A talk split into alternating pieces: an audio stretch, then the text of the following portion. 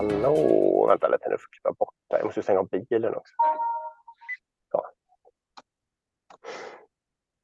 Hallå, Säg hallå. hej. Ja. Hej. Halloj, du hade ett dilemma idag. Ja, exakt. Jag tänkte här måste vi ju ta för det var ju en rolig.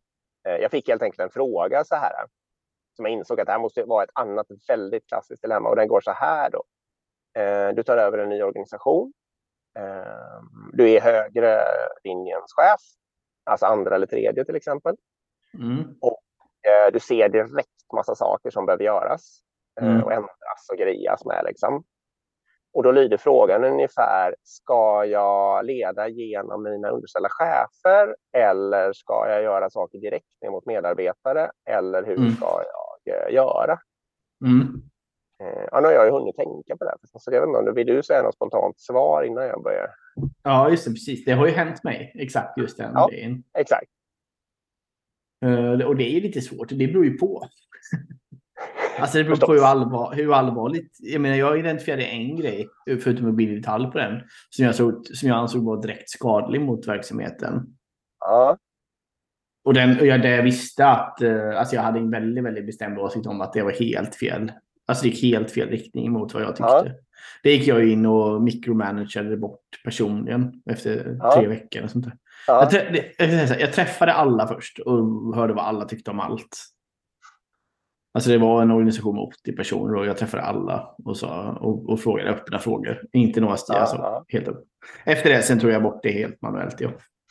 Men det var ju ganska extremt. Annars får man ju leda via andra. Det, det är min snabba åsikt. ja. Precis. Vad tror du min åsikt är? Nej, Jag ska säga vad min åsikt är. Ungefär Jag samma funderar- kanske. Nej, jag har funderat jättemycket på det här och jag har Mm. kommit fram till att det är, en, det är en av de här grejerna när man, om man hamnar i det läget att man måste välja, man liksom måste ställa sig den frågan, då har det redan gått snett. Det är liksom likt det här med när folk börjar fråga efter befattningsbeskrivningar eller Mm. rollbeskrivningar och sånt där. Att I det ögonblicket man kommer dit, då är det något annat som man har gjort- till innan. Liksom. Mm. Eller det behöver inte vara du som har tokat till det, men det är, liksom, det är en dålig kultur. Och sånt. Eh, för, då, för min linje är nämligen att man, eh, det, det är ingen antingen eller, utan det är både och, huller om buller hela tiden. så att säga. Eh, Mm. Vissa sorters frågor lämpar sig att att ta den hierarkiska vägen av massa anledningar, bland annat för att det finns massa fördelar med en hierarki, liksom att man kan nå ut till många människor på ett strukturerat sätt och massa sånt där. Liksom. Mm. Eh, och andra saker lämpar sig inte alls för det. Till exempel det som du var inne på, då, därför att någon inte är kompetent. Som, alltså sådär, eller för att, man, eh, för att det behöver gå fort. Att det Mm. bara är, du vet vem som kan fixa eller vem du kan fråga eller något sånt där. Om du då ska gå igenom och filtrera skiten genom flera chefsled så blir det liksom viskningslek och problem och slöja ner allting och sådär. Och då är det lika bra att fråga den som kan på en gång. Och om det blir ett problem så här att den här mellanchefen då säger att ja, men hur kunde du gå på Liselott direkt? Du skulle, det skulle ju jag få göra då. Liksom. Hur kunde du fråga Mm. henne om, om hon kunde dö- göra den där dragningen? Eh, Då, har man, då är det något annat problem man har. Då, är det inte, då finns det inte trust och transparens och, och alla de här Nej, elementen som man behöver. Liksom. Men, men sen, som du, för du, premissen här var ju att det var en ny organisation, att jag är ny där. Mm. Och det är klart Svårare att, eh, ja det är det ju, för jag menar den här trust och, och det, det tar ju tid att bygga. Ja. Det tar ju något år innan man är där liksom. Ja, Och, precis. eller halvår eller någonting. Ja, exakt.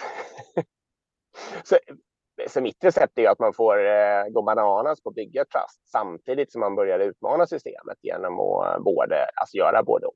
Man- Det är Mm. okej att be sina direkt, alltså även eh, tre, tre nivåer ner så kan man prata med folk, inhämta information, Ja, det är klart. om, be dem göra saker och alltihopa.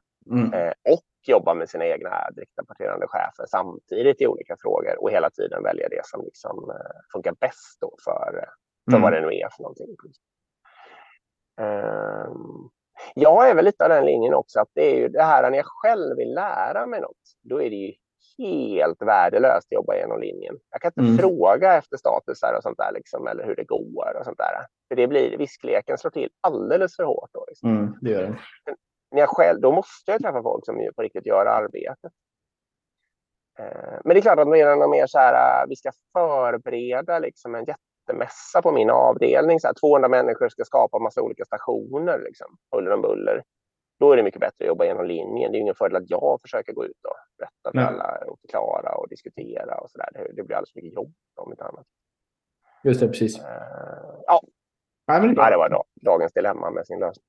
Ja, härligt. Vi hörs. Det gör vi. Ha det bra. Hej. Hej.